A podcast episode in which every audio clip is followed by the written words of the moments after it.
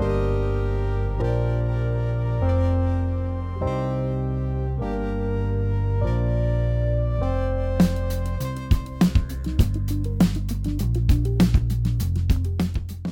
sælir ágættur hlustundur. Ég heiti Sverri Norland og þeir eru að hlusta á upp á nýtt þáttinn þar sem við endur hugsum, endur skoðum og ef vel gengur, endur nýjum jafnvel heiminn. Og í dag ætlum við að ræða um svo litið sem við eigum öll sameinlegt, svo litið sem við notum til þess að syngja og dansa, ferðast á milli staða, faðmast, hugsa og hreyfast um veröldina. Líkamann.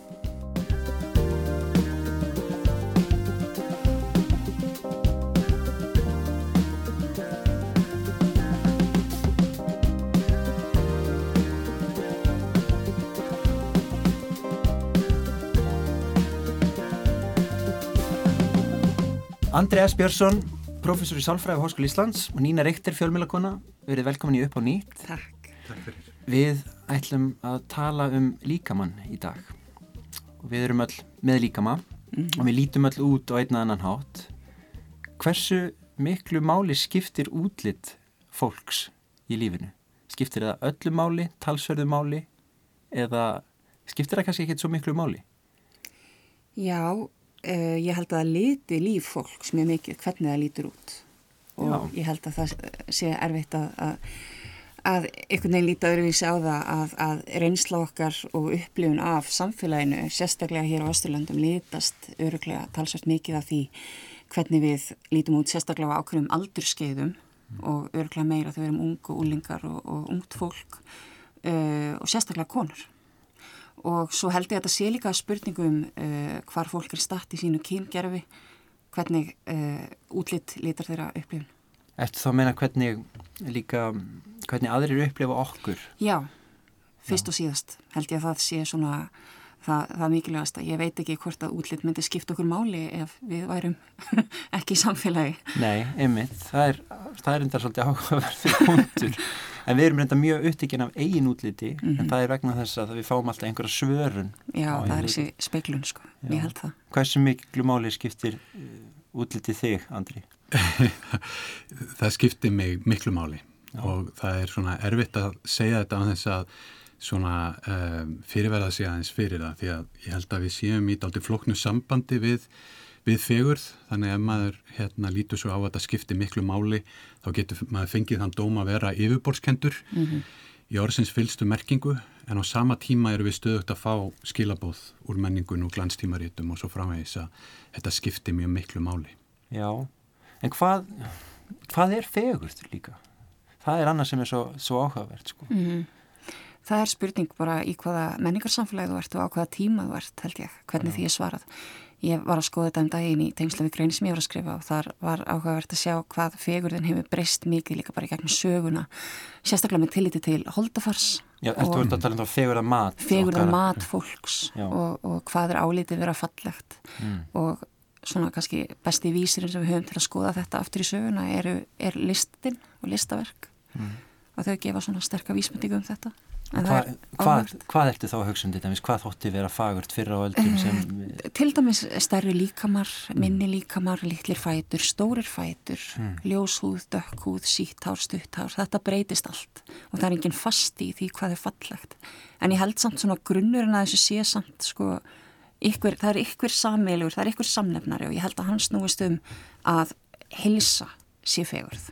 Það að vera heilbreyður eða líta út fyrir að vera heilbreyður sé fallegt eða þykir fallegt. Og var það þá kannski hér áður fyrir það þótti það að vera til marg sem helbriði að vera í góðum holdum að því það fyrst ná að borða og... já, einmitt. og þar komum við líka inn í þetta það endur speklar alltaf samfélagi þetta fegurðamat uh, já, í samfélagum og við meiri sér að sé þetta núna bara síðustu 200 árin, það er hægt að sjá þetta að þegar, þegar það gengur illa þá þykir falleira að vera vel í holdum. Og svo þegar það er uh, uppsveifla þá þykir falleira að vera grannholda. Já, þegar það er nóg að borða. þegar það er nóg að borða Já, þetta, já, þetta, er, er áhugavert og, og en, en haldið þið þá að í dag þá séu við komin í, erum við, eigum við heilbritt samband við fegurðina í dag? Erum við, Ekki endilega og ég held að eins og segir þá, þá er hérna fólk sko eins og þú segir Nína þetta breytis mikið hérna í sögunni og eftir menningarsamfélagum og öðru en hérna, en ég held að sé einhver svona tótni í þessu, þetta skipti miklu máli og við erum stundum í held ég daldi óheilbriðu sambandi við það hvernig við lítum út, mm. þannig að eins og ég sagði, ég held að sé bara almennt í okkar tegund, þá skiptir fegur máli, en þegar hún fer að skipta of miklu máli og lita líf okkar of mikið, þá hérna er er sambandi orðið óheilbreykt. En hvaðan koma þá skilabóðin? Við nefndum áðan aðeins kannski ungt fólk og það er náttúrulega oft svolítið viðkvæmt fyrir svona þrýstingi frá jafningum og þannig. Mm -hmm. En hvaðan koma þá óheilbreyð skilabóði í dag? Já, það er mikið úr eins og, eins og hérna glanstímarittum mm -hmm. úr hérna frá öðru fólki hérna, þetta er í menningunni, í sögunni í, í alls konar bókmyndum og svo framvegis. Mm -hmm. Þannig að þetta er svona allt um leikjandi í, mm -hmm. í kring og hérna stundum átaldi augljósanhátt og stundum er þetta meira svona óljóst og en, en mjög oft mjög áhrifamikið. En, en eins og dæmis bara samfélagsmiðlar, mér finnst eins og sem alltaf að færast meira og meira í þá átt að við erum alltaf einhvern veginn að sína hvað við erum að gera mm. með því að sína líkam okkar í einhverjum aðstæðum mm -hmm. og við erum svo mikið að sjá okkur alltaf að utan. Já, þetta er eitthvað sem að mér finnst mjög áhugavert að skoða sérstaklega með sko Við erum alltaf að búa til þetta hlýðarsjálf sem er þetta stafrana sjálf sem er okkar uh, besta mynd, glansmyndin af okkur sjálfum sem við erum sjálfa réttstýra alla daga þegar við erum að nota okkar samfélagsmiðla. Mm -hmm. Svo kemur þessi pressa oft að uh, einhvern veginn samþættu þetta raunveruleikanum. Mm -hmm. Að við eigum allt í einu að fara að nálgast þessa glansmynd að glansmyndin nálgist okkur. Þannig að þetta er úrslega svona snúið og sérstaklega þegar uh, við erum að sjá fylgdera til dæmis Já. og nú hefur maður heyrt uh, fólk sem er að vinna við uh, færunarlækningar tala um það að það sé á aukin aðsókn í Eh, aðgerðir eða já, yngrepp sem að einhvern veginn íta fólki nær þessum fylgdurum. Þannig að þegar þú segir fylgdur fyrir þá sem að átsegja því já. þá er það einhvern svona fægrunar sko... Fægrunar fylgdur sem, sem að gerir í því að ímist gera fólk uh, fallir, á fallir á ljósmynd. En er við þá að reyna að líta meira og meira út á þann hátt að við ljósmyndumst vel? Það er eitthvað sem ég sendum veld fyrir mér. Sko. Já. En, það, já. Og svo tölum við með um að sömur myndist vel mm -hmm er myndast kannski ítla, er ekkert ómyndarleir mm -hmm. þannig að það, það var kannski stafræni heimur en að færa okkur þú veist, þetta er eins og með heimili líka. Mm -hmm. erum fann að stilla upp heimilum þannig að við myndist vel. Einmitt, þetta er mjög góð líkinga því að það er ekkit endilega þægilegt að vera á heimili sem er svona slípað. Nei, og það er ekkit þægilegt að líta út um Akkurat, já. Mm. Já, já. já. Þannig að og, og, og, og þannig að þú veist það er eitt að fægra sig á ljósmyndun annað líka gangast undir einhverja aðgerðir til, a, til að fægra mm -hmm. sig já og, og, og, og þú, þú nefndir á hann og þú veist er það eitthvað sem haldið að sé aukast svona lítið aðgerðir eða? Já við sjáum það náttúrulega bara á, á gögnum að það er að aukast að fólk sé að fara í uh, aðgerðir, fægrunar aðgerðir og uh, Er það þá Íslandi eða heimsvísu? Það er á heimsvísu, skils mér og þetta er náttúrulega misalgengt eftir, eftir löndum mm. en eh, ég held að það sé alveg mjög mælanlega aukning á Íslandi og þá sérstaklega í þessum svona ódýrari aðgerðum sem að kreyfast ekki svæfingar okay. þar sem fólk er að fara í spröytur og þá er þetta bótóks og fyllefni og annað svoleiðis En af hverju hvað, hver er ávinningurinn að því að verða falleri? Er það Já, sko, það eru ýmsa rannsóknir sem benda til þess að það að vera fallegur og þá er eins og, eins og varst að spurjum á hann hvað er feguð, hún er mjög huglæg mm -hmm. en hérna fólk í ákveðnu samfélagi, ákveðnu tíma er oft mjög sammála samt um hvað er fallegt og hvað er ekki fallegt og í rannsóknum það sem fólk er metið e, fallegt eða ekki fallegt út frá einhverjum hérna hverðum þá hérna hafa verið gerða rannsóknar því sem sína að fólk sem er metið fallegra það fær frekar afgreðslu í búðum. Það er hérna, fær betri þjónustu sem sagt og e, það er svona fær frekar vinnu mm. og, og svona mætti áfram telja að það er, það er hérna, ávinningur bæði því að við erum bara þannig gerð að við hérna, metum fegur mikils e, sem að við getum síðan rakið bara til hérna, þróunafræðilegra þáttar en síðan eru hérna, ekki bara skilabóðum að þú eigir að hérna líta vel út heldur er það þér til framdráttar bara á, á samkvæmt frekar hlutlagum mælikvörðum í raun og verð. Mm -hmm. Svo er líka, fyrir ekki, að tala um gesslaböks áhrifin sem eru hérna þau að við eignum fólki í ákvæða einleika út frá útliti. Mm, já. já, en á einhverju leiti er það nú kannski svolítið raugriðt að einmitt. Já. En svo brekkir fegurðið náttúrulega oft, rósir stinga og hlaðandi fáru skinni já, já. og það allt. Já. og það er þessi þversög sko að, að þetta er kannski manni oft til framdráttar en ef fegurinn er farin að skipta of miklu máli Já. þá lendir fólk í vanda þannig að það er það að, að hérna, finna jafnvægi þarna milli sem ég held að sé eitt af stóru verkefnánum í lífinu Finna, já, já, einmitt. En, en þú ert bústæðilega bara að segja að, að, að fallegt fólk, það við sko komum betur fram við fallegt fólk. Já, svona það- almennt séð og þetta er eitthvað sem að fæstir væru tilbúinu til að viðurkenna En hvenar, já, já, sennilega. Ég held að sömur tortryggi líka svolítið fallegt fólk, sko. Mhm. Er það ekki? Sérstaklega konur, fallegar konur verða oft fyrir svona Er eitthvað fordómum, já. ég, Þær ég, eru, ég tortryggi svolítið fallega kallmenn, sko. já, Ég hef góðan franskan vin, sko, sem hérna er giftur, góðri vinkun okkar, gonna minnar. mhm, Fyrst ég var að kynna honum, hann er alveg ótrúlega fallegur sko. Hann er þannig að þegar vinið mín sá hann þá trúður alltaf að hann væri til. og þeim fannst það ekki traustveikjandi sko. Hann var einhvern veginn óraunverulegur. Hann var eins og hann væri hannaður. mhm, Og hann var alltaf í rosalega flottum skóm. Ég reyndar einu sinni sá ég, hann átti eitthvað 50-60 pöra leðurskóm. Sko. mhm, Og allt þetta, og þetta fór að verða svona, tristum honum ekki. mhm, En svo þegar maður kynnist honum þá er hann indislegur. mhm. Og í dag þá á hann færri skóm. Að hann er- er besta lífa. Já, en, en, en já, en sem sagt þannig að þessi þrýstingur, hann er að koma úr, úr allskins áttum, en svo getur hann náttúrulega þetta, þessi áhersla á útlitsfegur, hún getur fært okkur inn á svolítið hættulega slóðir. Mhm, og þannig að ef, eins og þetta dæmur sem getur líst sér í um, allskins bara, hvað er það að kalla, líkams, við, höf- sko, líkams ímynd, mm -hmm. Það er svona svo hugmynd sem við höfum af okkur. Já, þannig að við höfum hvert og eitt okkar hérna, svona mynd í huganum af því hvernig við lítum út Já.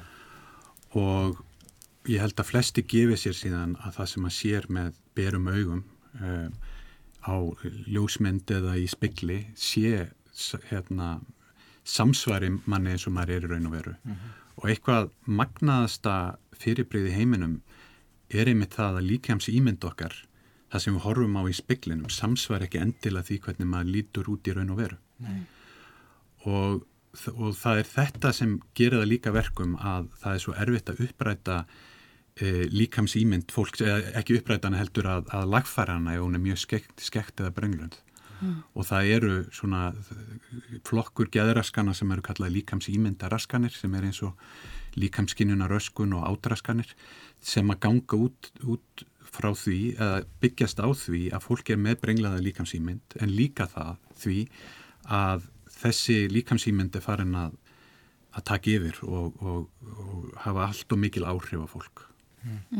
En er þetta þá ekki eitthvað sem við hljótum að hugsa miklu meira um í dag ímyndaði mér en fólk gerði hér áður fyrr að því við höfum okkur sjálf svo miklu meira fyrir augunum. mhm. Já, og svo er líka bara eins og komin og áðan að samfélagið er svo gegnsýrt af þessari hræstni að við leggjum rosalega mikla áherslu á það að við eigum að líta vel út og, og við, við einhvern veginn göngumst inn á það að, sa- á sama tíma og skömmumst okkur, okkar fyrir það að hugsa um útlitið og það er alltaf svona svolítið, það þykir hégumlegt á sama tíma og það þykir nöðsynlegt. Já. Þannig að við þurfum alltaf að feta eitthvað svona milliveg þarna. Já, en það er annað sem ég er stvíka áhverð að hugsa út í að með, með hégóman þykir það jafn hégómlegt í dag og það gerði fyrir einhverjum árum eins og dæmis mm. karlmenn eru farinir að hugsa mjög meira um hvernig þið lít út. Mm Er það ekki? Jú, ekki spurning. Ég held að það sé mjög skýrt með kallmenn Já. sérstaklega að það er orðið hérna, samþykkt frekar náð, meir en áður var að, að hugsa um útlitt og Og, og, og maður jafnvel ímynda sér að ef þú hugsar ekki eftir mútliti þá ver- fengir þú frekar ákúrur fyrir það. Mm mm Þannig að þú veist þetta með hégóman er ekki bara holdt að vera vist hégómlegur. Jú, það er, hlýtur að vera. Já, þannig að, þannig að þetta er kannski, já, leiðilega svarið er svona innan tiltekina marka Já, innan skynnsemismarka Já. þá, já, En svo er líka þetta sko með e, þessar aðgerðir og, og þessi yngripp sem fólk er að fara í og nú er ég kannski að hérna, ég vona að ég sé ekki að fara út, fyrir- út fyrir efnið en, en þarna er sko, það er þetta varðandi sko konur sem fari í svona aðgerðir. Maður heyrir rosalega mikið af gaggrinni í þáttina hvað er fólk að láta sprauti sig og akkur er verið að fá sér bótóks og svo kemur alltaf þessi umræða um að ykkur fólki í ykkur kommentakerfum þykir þetta svo ljótt og þar fram til göttunum og svo eru tattúin tekin fyrir. En það, er, það eru ákveð svona, það verðist vera mjög þraungur rammi settur á hugmyndina um sjálfs ákverðinarétt hvannaður einn líkama. Mm. Og við, við leifum sum yngripp og önnur ekki. Það er í lægi að fá sér tattú ef þau sjást ekki mikið. Það er í lægi að fara að fá sér botox ef það er ekki sjáanlegt. Það er í lægi að nota dýrkrem og fá sér hárlingingar og fara í brungusbrautun en það, það er alltaf þetta. En á sama tíma er fólk alltaf að tala um sko að uh, konur þurfa að ráði við einn ein líkama. Já, þannig að þetta er, er tvískinnungur þarna. Mm. Sem að mér finnst eiginlega bara verða háværari eftir því sem að þessi umræði verður háværari mm. að, að hvar eru við að setja takmörk á þennan sjálfsákvörunar rétt hvenna að því að þessi umræði snýst eiginlega, hún snýr eiginlega bara konum þeim er ekki sjálfrátt þegar kemur að þessum aðgerðum og þessum yngrippum af hverju? Nei, já, það er bara mjög áhugavert mm. en, en kannski finnst fólki vera óljóst sko hvort að kvötum komið innan eða utan hjá mm -hmm. þeim Skiptir það máli? Nei, nei, ég, hver á einn á að geta ágæða að tala sjálfur Þannig að það er þetta, þú veist að e, e, mynd þarf þetta ekki að vera svolítið annarkort bara leiði við fólki að velja hvernig það lítur út mm. eða ekki -hmm og svo, já og mér finnst áhugavert að segja sko, sjálfs ákvörðuna réttur og hérna, ég held að það sé aldrei gott hugdækla að ná utanum þetta og til mm -hmm. að mhm. varpa ljósi á hvað er mikillega með tvískinningur í þessu mm -hmm. þessu jafnvægi sem við erum að tala um aðan og hérna, en ég, ég held að þetta sé líka til hjá körlum og þeir fara líka í færunaraðgerðir þó það sé ekki eins eins, hérna, eins algengt mm -hmm. og hérna og þar er, er hérna, mikil pressa á eins og vorum að tala um áðan líka að líta, líta vel út en það er miklu faldara mm. Hvernig fægrun að það gerir fara Karlmann, Karlmann helst í? Já, það geta verið hérna, líka húð aðgerðir mm. eh, hérna, það eru alls konar já, þannig að, að þessi svona, eh, það er mjög margt líkt með aðgerðum og, og hjá konum til dæmis aðgerðir mm. á húð og, og tannréttingar og fleira eh, sem að, sem að fólk hérna karlmenn fara út í en þó, þannig að það er raunverulega til staðar þótt að sé ekki eins algengt og hjá konum. Já, mhm. tannreitingar er náttúrulega dæmum eitthvað sem er mjög algengt. Já. En mér fannst áhverst og nendur á hann með sko líkams skinnjunina mm -hmm.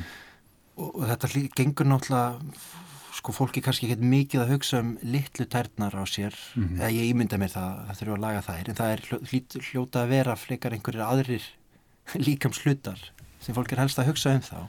Já, Hva? og ég svona þekki þetta sérstaklega vel í, í tengslu með ákveðina geðröskun sem er kallur líkam skinnjunaröskun og fælst í því að fólk er hérna óanægt með einn eða fleiri líkamsluta en er lítur í raun og veru aðlilega út mm. Og það er ekki nóg með að vera óanæg með þetta heldur verður þetta að skipta þig miklu máli í lífinu, hann er að þetta hafi mjög hamlandi áhrif á þitt líf. Og svo bregstu við með alls konar áráttu hérna horfa á sig í spegli, bera sig saman við aðra e, og svo framvegis. Og þar er búið að dokumentera frekar vel hvaða líkamslutar það eru sem fólk er upptekið af. Og það er vissulega þannig að það er mjög svona mikil munur eftir líkamslutum og það eru þeir líkamslutar sem eru mjög sínilegir húð er til dæmis í fyrsta sæti e, og sérstaklega húð á, á andliti sem er sínileg einhvers konar einhvers konar útleitt skallar á húð um, en hérna sem er þá eins og Já, eins og róði eða, róði eða eitthvað slíkt sem annað fólk tekur ekki Já. eftir en, en viðkomandi hérna, upplifir sem, mm. sem hérna, eins og það líti út eins og skrimsli mm. í svömmun tilveikum mm. en þá er það líka að fara alveg upp að speklinum og, hérna, og ég, ég veit ekki hvort að hérna, þið hafi farið svona nálægt speklinum en þegar ég gera þá lítur húð mín út eins og yfirborða á tunglinu.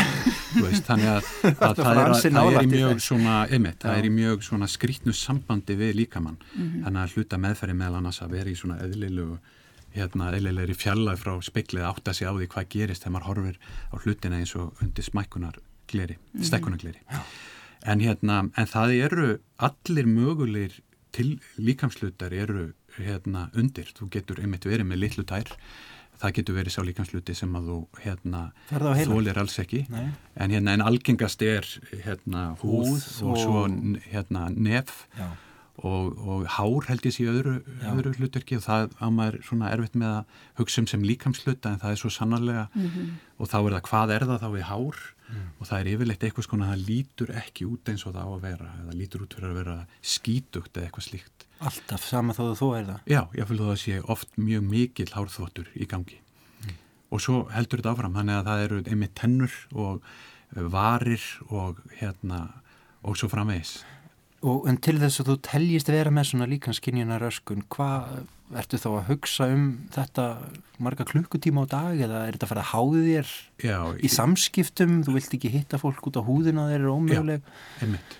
Það er, það er þannig, þannig að, að svona til að ná greiningar við með þeim þá þarf þetta að valdaði mjög mikill í vanlíðan og eða að þetta sé allavega klukkutíma á dag þá sem átt að fá mjög áleitnar hugsanir um þessa ljótu líkansluta og hversu hræðilega þú lítur út og, og, það aðri sé að dæma mann og svo framins Er þetta helst ungd fólk eða er þetta fólk á öllum aldri? Þetta er fólk á, á öllum aldri og hérna en það, það er svona langtíma rannsóknir eða í rauninni eina langtíma rannsóknir sem hefur verið gerða þessu bendi til þess að það drægi aðeins úr þessu þegar að hérna framsækja stundir mm. eða hérna þegar að hérna framlýður mm -hmm. og sem er aldrei einhvern áhugavert líkið sjálfur sér út af því að það, þá einmitt fara hérna teku líka minn breytingum og það verður hérna öldurun og svo framvegis mm. en, hérna, en hún er hérna hefur mest áhrif á sko kynþróskaldri og svona hjá ungum, ungu fólki. Maður getur ímyndað sér það. En er þetta líka eitthvað sem er að aukast þá meðal fólks? Já, Ég... nýgengi virðist vera að aukast og hérna, það, en það, þetta er í raunin röskun sem hefur bara verið rannsökuð í svona cirka 30 ár mm og það er aldrei erfitt að meta það aftur í tíman hvort að, að hérna, þetta sé að verða algengar og algengara en það er ímsleið sem bendir til þess að, að svo sé. Mm. Þetta er mjög nýtt fyrir mér. Já. Þekkir þú þetta? Nú? Já, ég hef svolítið til dæmis bara bæði hef ég lesið um þetta svolítið mikið eins og ég tengsla við Instagram. Já. Þar sá ég að það eru bara gögn sem sína það að þá eru ungar konur uh, skoðar sérstaklega uh, að þeim líður verð eftir að hafa skoðað Instagram mm. og þetta var nota til dæmis gegn, uh, sem rauk gegn því að setja fram Instagram fyrir börn mm. að búa til einhvers mm. konar tegund af þjónustunni fyrir yngsta hópin vegna þess að þetta bara, var bókstala búið að sína fram á að vera skadalegt um, Er það samanburðurinn sem fólk er á að stói? Það er samanburðurinn en það er líka eitt sem ég held að gleymist oft í umræðinu og það er linsubrenglun sem, sem á sér stað. Af því að þeir sem að uh, ég lærði ljósmyndun og þar, þar hérna, fór ég svolítið svona í sauman á þessu og þá sér maður að það fer eftir í hvernig linsu þú notar, hvernig andlitið það er myndast og þú getur gerðsamlega breytt hlutföllunum í andlitinu á fólki með því að nota mismunandi tegundra linsu. Og í þessum linsum sem eru ætlar til þess að taka svona nærmyndir eins og eru gerðan í símum þá verður brenglun sem er þannig að nefið stækkar og allt annað verður aðeins minna. Og þetta er mjög óklæðileg brenglun sem á sér stað. Þannig að fólk fær ofta á heilan út frá því hvernig það hérna, eða þetta hef ég heyrt, ég er svo sem ekki þú er sérfægurinn hérna. Andri. En hérna að, að ekki linsubringlun nei, ekki linsubringlun heyri það kæri landsmið, nefið okkur er ekki svona stórt. nefið okkur er ekki svona stórt. Og uh, já, þá bara hveti fólk eindreið til þess að fara bara og byggja einhvern annan um að taka mynda sér hinum inn í herbygginu, þá nokkur veginn farði hugmyndum það hvernig þú lítur út. Miklu frekar heldur með einhverju selfie sko. Já. og þetta er bara nokkuð magnað. Mm -hmm. magnað sjónkverfing í rauninni sem ásist aðaðna en bara svo í svari spurningunni varðandi hvort að ég þekki þetta sjálf þá uh, svo sannlega ger ég það. Og hérna ég sem sagt er fætt með skarði í vör og var lögði ég alveg svakalett einhelti því á krakki þannig að ég þurfti að skipta um skóla í tvíkong. Og uh, ekki það að einhelti það við svo sem en þá að teki þannig á því skulum orða þannig. Og þetta litaði líf mitt og hefur bara gert mjög lengi. Og þegar ég fór mjög snemma eins og uh, börn sem fæðast á Íslandi með skar þau fara snemma í aðgerir þar sem þetta er lagað. Uh, ég var mjög lengi að sættast við útliti mitt og meira sér löngu eftir ég komin á, á þann stað að fólk tekur ég ekki eftir þessu mm. þá ennþá var ég að horfa eitthvað allt annað þannig að það var alveg ferli sem að ég fór í gegnum með sálfræðingum til þessar að bara átta mig á því hvernig ég raunverulega leit út og hvernig eðlilegar útlitskröfur eru og þetta er alveg eitthvað sem ég svona glými ennþá við í dag annars slægið að svona detta í þessar hugsanir. En þetta er oft þegar eitthvað annað er í gangi í lífi mínu sem að mér líður ítla yfir mm. þá finn ég að vanlíðaninn fer þangað, hún svona dregst inn í þetta þetta gamla minnstur að þetta er öruglega því að ég er ekki nógu sætt þetta er öruglega því að ég er ekki nógu svona. Mm. og þetta bara, þú veist, er mjög raunverulegt uh, raunverulegur sársöki, getur við sagt. Já, og þetta held ég að getur nú allir sko samsar, allir geta samsara sig við þessa upplifun einhverju leiti mm -hmm. sem betur fyrir verði ekki allir fyrir eineldi en sem verðist vera bara, ég ætla ekki að segja sí algengara í samfélaginu en það er mm. ótrúlega algengt og það er náttúrulega oft, það er oft verið að nýðast af einhverjum sem sker sig úr. Já, einmitt og þegar viðkvæðið á sínum tíma var náttúrulega þetta lagast þegar það er búið að gera við andlitaður. Mm. Það var svolítið það sem ég heyrði að þegar, þegar það sést ekki lengur þá munið þau láta þig í friði, býtu bara aðeins þú verður sætt þegar þú eru stór og, og þetta svona bjóð til einhverja brjálagslega ránkugmynd í haustum á mér sem að ég var alveg lengi að finna úr. Já. Sálfræðilega er þetta líka opuslega, já, það er eins og sé eitthvað innra með okkur mönnum við nöppumst oft saman um hér svona sletta og felda mm -hmm. og ef mhm. eitthvað sker sig úr þá fyllist við einhverjum, einhverju óryggi að ég veit ekki hvað það er. Og það kemur vel fram í því sem þú lístir, sko, einelti að til dæmis tali vera hérna einhver svona áhrifamesti, hérna áhrifamesta orsök í þróun til dæmis líkamskinnunar öskunar mm.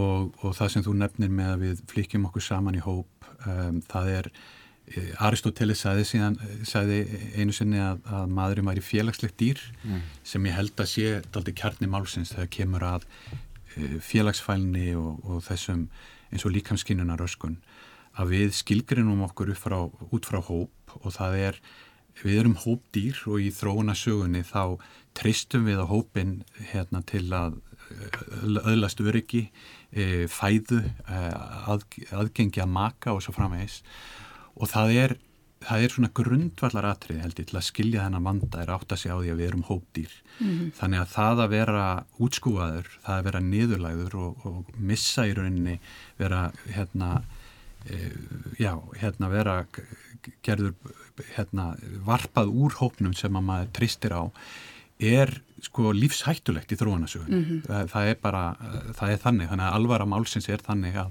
einelti sem er mitt fælst í þessari niðurlægingu og höfnun, hún hefur mjög mikil sjálf, sjálfræn áhrif á fólk mm -hmm. og svo líka eins og nefnir að síðan er það jáfnveg þótt fólk hafi tekist á við líkamskinnur og röskun, svo að dæmis í tekið og, og nái árangri, þá er það einmitt oft setna þegar það er mikið álægið eitthvað slíkt mm -hmm. sem þetta dukkar upp aftur. Fyrir þessi yfirfarsla í gang. Já, einmitt og það er líka, ég man svolítið eftir því þegar ég fór fyrst að taka ákverðun svona sjálfstætt, horfið í speil og hugsaði ok, kannski er nefið á mér eitthvað skakt en finnst mér það ljótt eða er ég bara með áhyggjur á því að aðri sjáu það mm -hmm. af því að það er ekkit af hverju er það ljótt eitt og sér að mm -hmm. það sé ekki fullkominn samkverfa það er engin samkverfur, skiljiði en það, það er eitthvað svona ákverðun sem að maður tekur um það að eitthvað sé ljótt. En oft er þetta bara það, það eitt að það sjáist. Mm -hmm. og ekkert meira en það. Nei. Og, en, og undirliggjandi kannski líka í þessar sko við hugsaum mikið um útlut okkar er það þessi ræðsla bara um mm -hmm. að okkur verði já. verði útskúað já. Þannig að já en, og, en svo er líka þá að þú ég held að fæstir í dag nýna myndu hérna horfa á þig og hugsa hún lítur ekki nógu vel út sko. Þannig að, þetta, að, þetta, að þetta blundi enþá í þér einhver mynd sem þú hefur úr æsku mm -hmm. og fylgir manni alla tíð. Já. það er einmitt. Já, og þetta líka fór í svolítið nýtt ljós. Uh, ég, ég, ég sá þetta nýju ljósi þegar ég egnast sjálf dóttur. Mm. uh, hún er ekki fætt með skarð en það einhvern veginn fekk mig til að kannski bera meiri ábyrð á minni líkansmynd mm -hmm og hugsa, ok, ég ætla ekki að innræta henni það að henni þurfa að líða illa yfir því að hvað sem það er sem gerir hana sérstaka mm. og þá þarf ég að vinna í mér þannig að það einhvern veginn svona bjóð til nýja ábyrgatilfinningu hjá mér sem að ég hafði ekki fundið áður fyrir mm. þannig að það var líka svona liður í þessu En hvað getur við gert bara sem um, samfélag til dæmis til að opna meira hug okkar fyrir bara, þú veist hvernig við lítum öll út. Hvað, hvað mm. gerum við, hvað, hvað reyðum það til að festa svolítið á jákvæðinótunum ef við erum að hugsa, hugsa hlutin upp á nýtt þér upp á nýtt?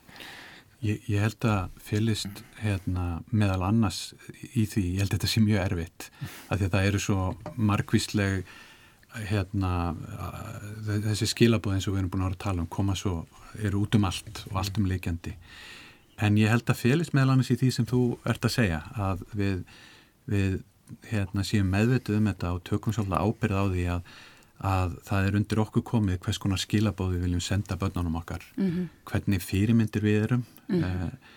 eh, til dæmis bara tíminn sem að eh, það tekum mann að, að, að hérna, hafa sér til og, og svo framvegs, eh, hvernig fyrirmynd er maður fyrir, fyrir, fyrir börnin sín og hérna og það er, ég held að það hafi mjög mikið að segja og samtal um það að hérna ger ekki lítið úr því einmitt ef að, mm. að börnin okkar eru upptekinn af útleiti því að það er eðlilegt en það er hins vegar þegar þetta fer út í öfgar sem að það getur orðið að vanda en, og, þa og það samtal held ég sé mjög mikilvægt og geti haft hérna, talsver í ákvað árið.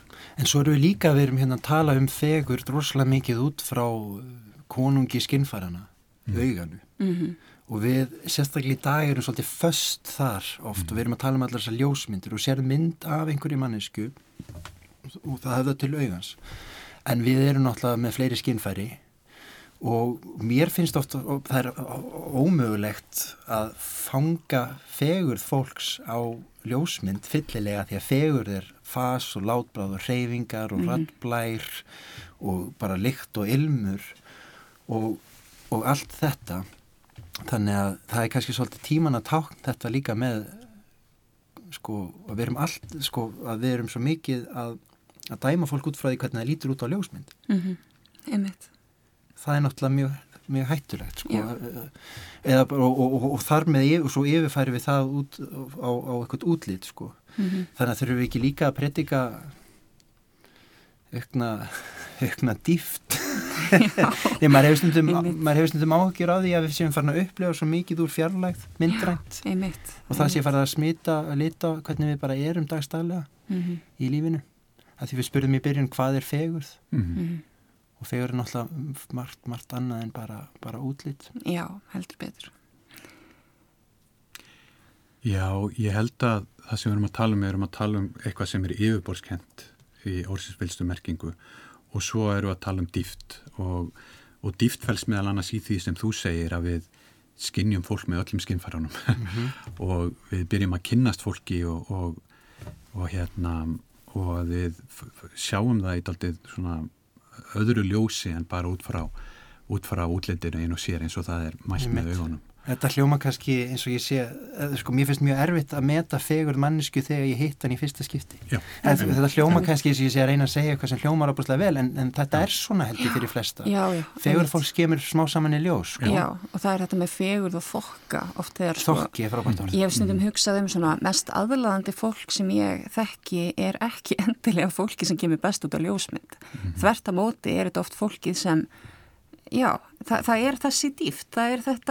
þegar fólk hefur eitthvað til málananleikja, þegar það er bersifallega og, og er með passjón og allt þetta sem að, sem að lita lífið og ekki síst er það sjálfsöryggi sem einhvern veginn bara getur algjörlega nú, nú hljómar þetta náttúrulega hræðilega, ég ætla að fara að segja að það getur lift ykkur um ómerkilegum í hæstu hæðir, ég er ekki fara að segja það. En, en því skiljið mig, þannig að það er, það er þetta hérna, það er þessi lög, þetta er svo marglaga. Og oftast er þetta miklu, miklu meira en hvernig fólk kemur út á ljósmynd. Vitið, Andrið Nína, mér langar að gera smá pási, ég svo hrættur mér sem eitthvað í tönnum, ég ætla aðeins að hljópa á bað og skoða í spekli og ég sé okkur eftir smá og ætlu að taka loka nekkin líka mann.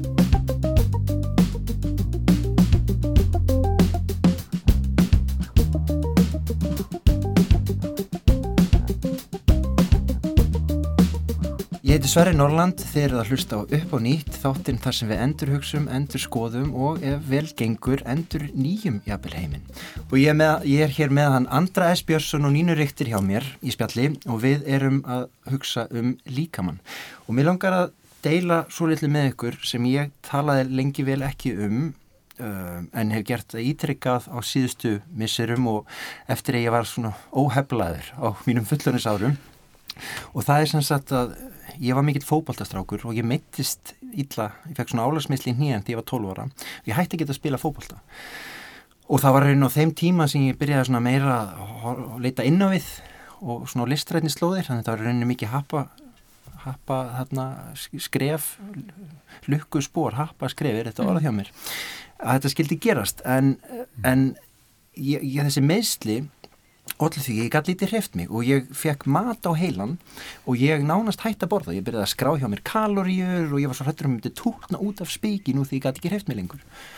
Og ég fekk örgla sé ég bara svona eftir á heikja eitthvað sem kallast listastól um, og, og að ég átti svo ótrúlega óheilbriðu sambandi við mat á þessum tíma, ég var tó, bara 12 ára og þetta var í svona alveg 13 mánuði og, og, og, og ég hafði aldrei heyrt Karlmann tala um þetta, eða stráka. En mér skilst að þetta sé vist frekar algengt hjá sérstaklega fókbóltastrákum um, Andri, hefur, hefur þú eitthvað vel þessu fyrir þér? Já, og það er hérna, eins og þú segir þá hefur oft verið fjallað um listarstól og hérna aðrar ádraskanir hérna út frá stelpum og, og konum hérna e, nánast einmörðungu mm -hmm. og það er, þetta er mjög falið e, fyrirbreyði meðal Karla mm. og í raunin er það þannig að það eru allt og fáar ansóknir sem hafa einsett sér að, að kanna þetta betur hjá, hjá drengjum og, og karlmönnum en þetta er svo sannalegt í staðar og hefur mjög mikil áhrif og stundum í sumum tilvæglu meiri áhrif en, en hjá konum almennt og, mm. en, hérna, en um það er nú deilt en, en þetta er e, svona í emitt eins og þú segir í fótbolta og í öðru svona félagslegu samhengi þar sem að einhver performance er, val, er metin mikils mm og einhver skilabóð hafa verið um það að maður þurft að líti út á einhver tiltekin hátt. Já, ég horfði að myndir af einmitt íþróttahetjunum mínum og, og hafði ágreið, er þetta ekki eins og þær? Já. En það er vantilega bara það sama og þegar ungar stúlkur lendi í þessu, þær sjá myndir af einhverjum fyrirmyndum sem þær halda mm. þegar þau eru að líkjast. Já, einmitt.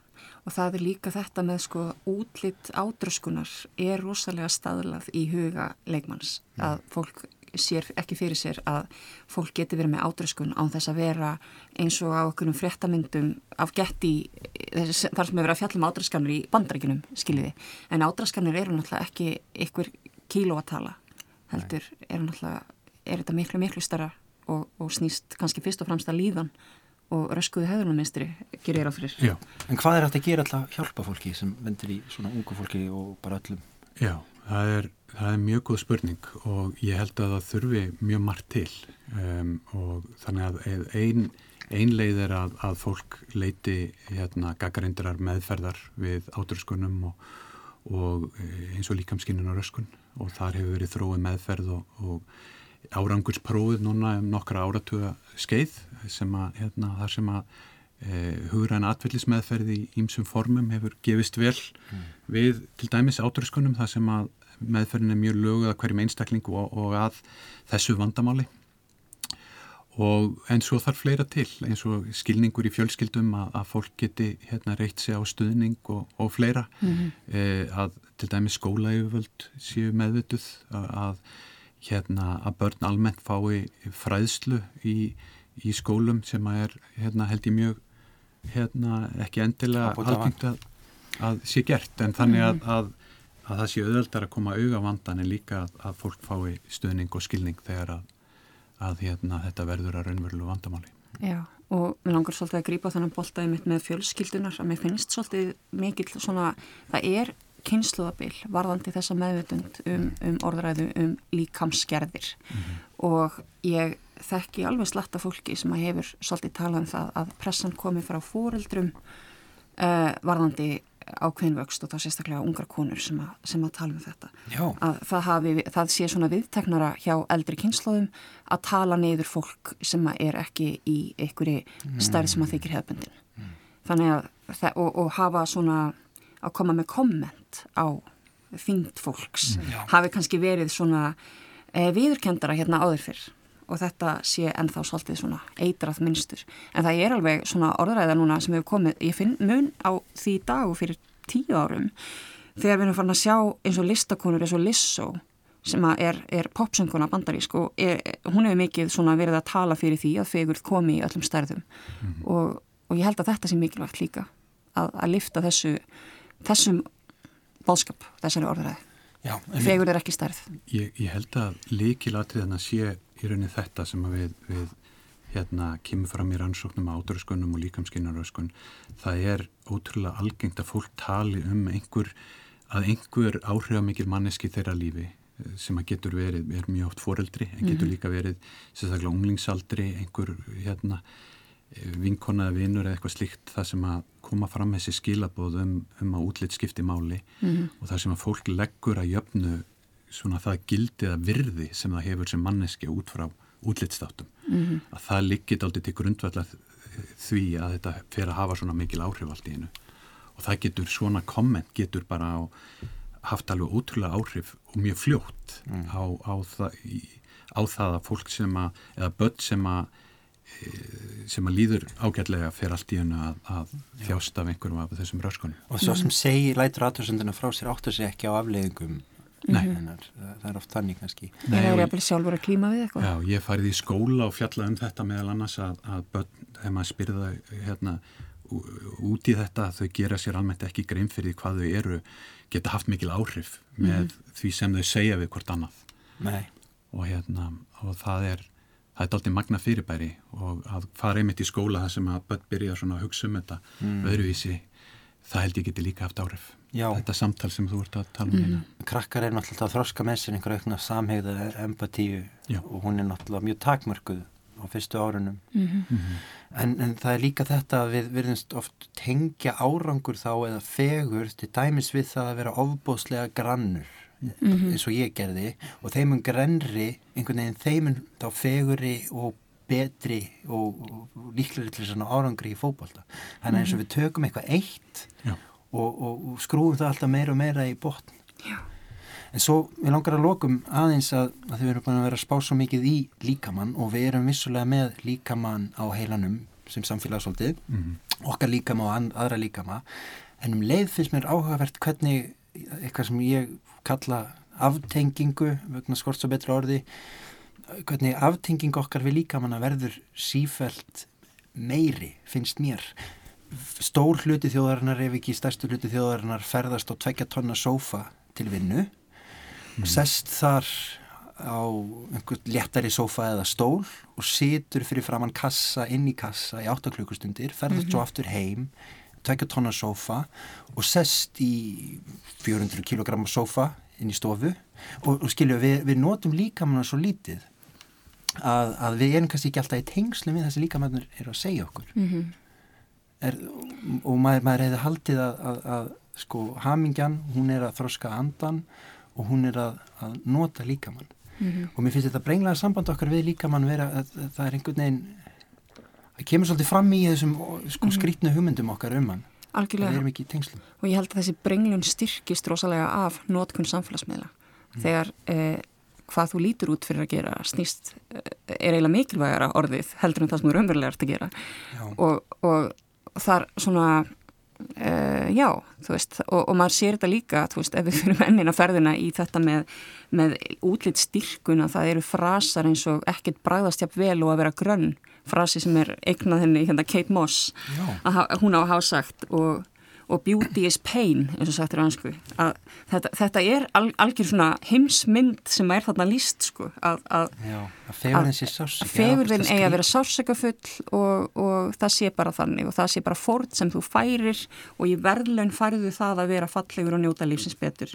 Og já, það er spurning hvort en, að þetta sé svona kristallist þessa, þessi aftenging Já, já en ef við reynum að komast að niðurstöðum það er lókin bara hvernig heilbritt samband okkar við líkamanna geti lítið út. Þurfum við ekki að nota líkamann mm. meira? Hugsa, minna um hann? Við hugsaum kannski ómikið um hann og notum hann of lítið. Já. það er eitthvað sem ég hugsa. Já, ég held að hérna, þetta, er, þetta er mjög flókin spurning, þú veist, hvað er heilbrikt samband við, við líkamann? Og ég held að félist í því bara að elska líkamann sinn vera mm. þakkláttu fyrir hann mm -hmm. hvernig sem hann lítur út þá hérna, eins og hérna, einn uh, hugsuður sem hefur mikið gert til að koma núvitund á kortið John Kabat-Zinn spurði einu sinni hversu oft þakkar þau nýrónuðinu mm. og hérna fyrir, fyrir hvað þau hvað þau gera og hversu vel þau virka og svo framvegis. Ég byrst frekar afsökunar, ég byrði afsökunar ekki að þessu kaffiþambi og rauðvins, nei, nei.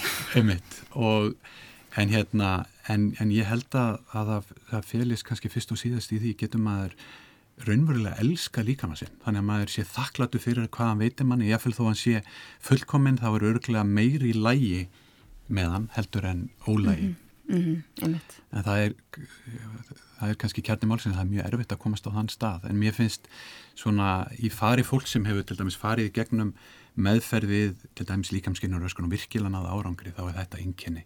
Að fólki byrja að, að, að já, elska líkama sinn að vera þakklátt fyrir það sem það hefur og, og þá dregur úr vægi allra þess að þátt að sem við erum búin að vera að tala um að mm -hmm.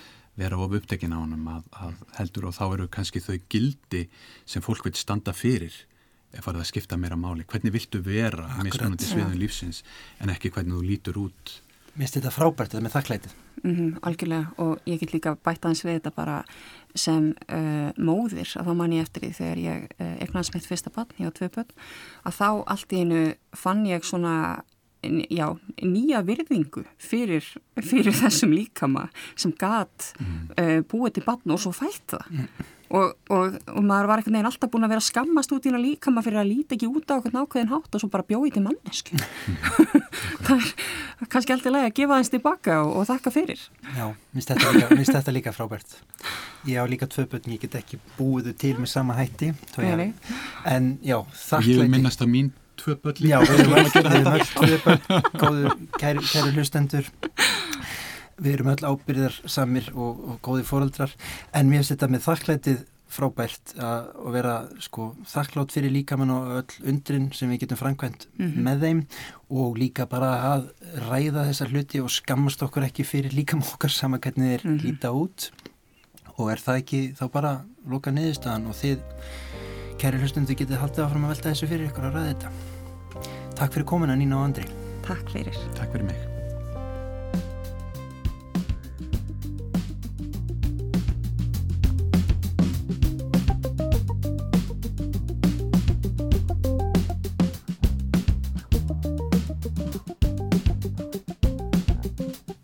Þú varst að hlusta á upp á nýtt, þáttinn þar sem við endur hugsum, endur skoðum og, ef velgengur, endur nýjum, jafnvel heiminn. Ég heiti Sverri Norrland og til minn komu að þessu sinni þau Andri S. Björnsson, professor í sálfræði og Nína Reykter, fjölmiðlakona. Stef upp á nýtt var samið og flutt af snillingunum í tvíeginu Urmull og Kraðak.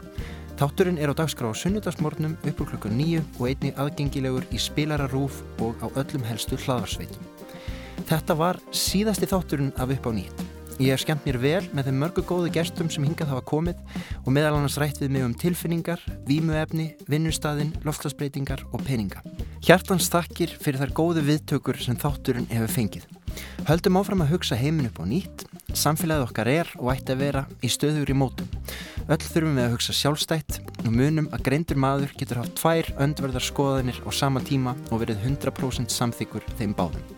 Lesum bækur, grátum og hlæjum, verum góð hvert við annað, elskaðu þig og einhvern annan. Helst fleiri en einn. Takk fyrir að hlusta og sjáumst á förðum veginn.